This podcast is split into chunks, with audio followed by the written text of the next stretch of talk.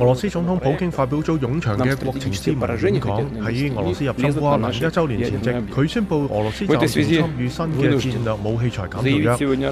土耳其同叙利亞邊境地區發生新嘅地震，造成六人死亡。兩個禮拜前發生嘅更大地震，造成超過四萬七千人死亡，幾十萬所房屋受到破壞或摧毀。